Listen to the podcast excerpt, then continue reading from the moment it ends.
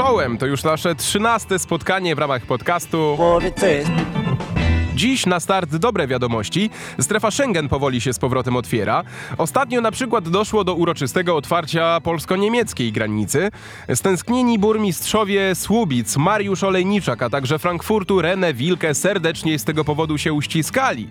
Jak napisali niemieccy urzędnicy, obraz tego uścisku przebiegł przez Niemcy, Europę i świat jako symbol radości z ponownego widzenia, nienaruszonej przyjaźni i więzi między ludźmi.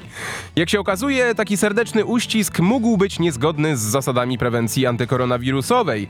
Z tego powodu burmistrz Frankfurtu nad Odrą złożył doniesienie do Sanepidu sam na siebie. No w Polsce nie do pomyślenia. Żebyście wiedzieli z kim macie do czynienia, granatowy garnitur, biała koszula, okulary korekcyjne i równo przystrzyżona broda. O widzisz, tak wygląda kapuś. To teraz powiedz.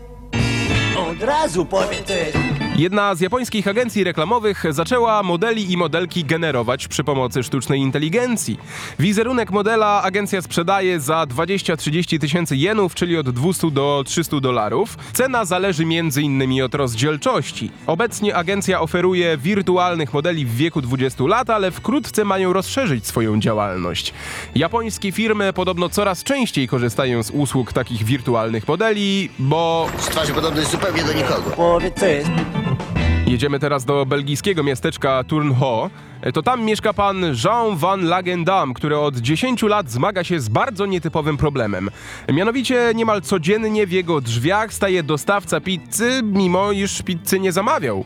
Wszystko zaczęło się 9 lat temu. Od tamtej pory niezapowiedziane dostawy jedzenia stają się coraz bardziej dokuczliwe. Mężczyzna wspomina, że jednego dnia w styczniu 2019 roku do jego domu próbowano dostarczyć aż 10 różnych zamówień, a jedno z nich zawierało aż 14 rodzajów pizzy.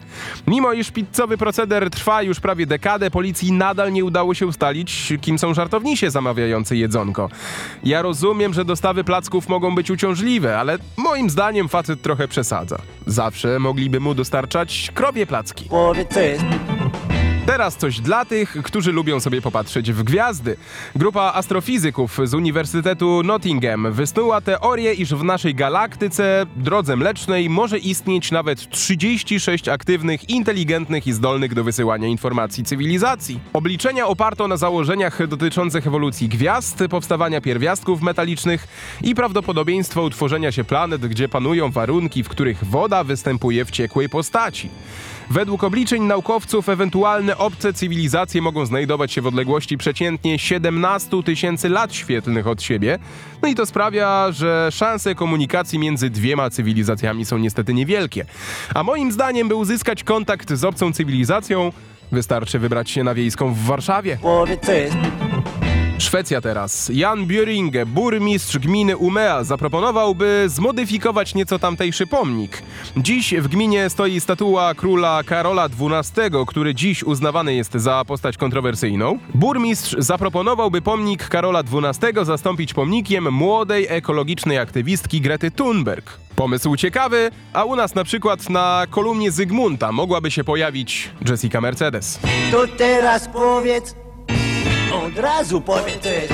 Polska Agencja Rozwoju Przedsiębiorczości organizowała ostatnio konkurs na dotacje. W ramach specjalnego programu małe i średnie przedsiębiorstwa mogły się starać o dofinansowanie z funduszy europejskich.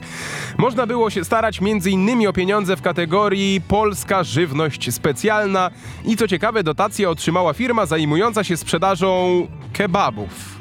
No i dzięki decyzji urzędu oficjalnie można powiedzieć, iż kepsik wpisuje się w polską specjalność żywieniową. Tym samym turecki kebab stał się tak samo polski, jak ruskie pierogi, barszcz ukraiński czy ryba po grecku. A teraz Jacek Ząbek. Mowa o panu wicepremierze Sasinie. Ostatnio polityk zapowiedział, że Polska gotowa jest, by spełnić jedno z obietnic wyborczych Mateusza Morawieckiego. Mianowicie Sasin stwierdził, że do 2025 roku Polska wybuduje milion elektrycznych samochodów. Ja nie mam nic przeciwko, aczkolwiek zdecydowanie łatwiej Sasinowi będzie zbudować papierowe samolociki. W końcu ma z czego? 30 milionów kart do głosowania nie może się zmarnować. To teraz powiedz. Od razu powiedz co jest. Pancerny Marian powraca. Szef Najwyższej Izby Kontroli, Marian Banaś, zapowiedział przeprowadzenie kontroli w kilku instytucjach. Funkcjonariusze NIK sprawdzą Kancelarię Premiera, Ministerstwo Aktywów Państwowych, Pocztę Polską, a także Wytwórnię Papierów Wartościowych.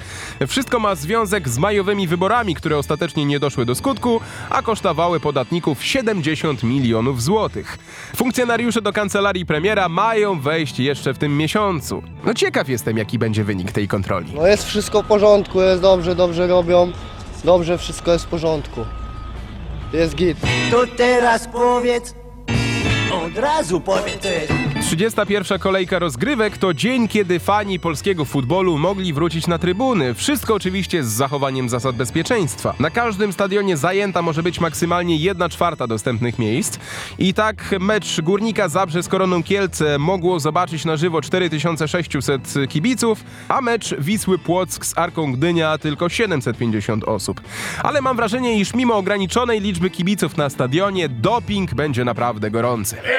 Stolczyk najlepszym jest klubem w trzeciej lidze. Kiedyś w końcu ten puchar wyśniony będzie nasz. To teraz powiedz, od razu powiedz, Kiedyś zasiadał w parlamentarnych ławach, był nawet przewodniczącym Komisji Gospodarki. Od jakiegoś czasu można mówić o nim jednak tylko jako Artur Z. Byłemu posłowi postawiono w ubiegłym tygodniu cztery zarzuty. Sprawa ma związek z wybrykami pana Artura, których dopuścił się w październiku ubiegłego roku.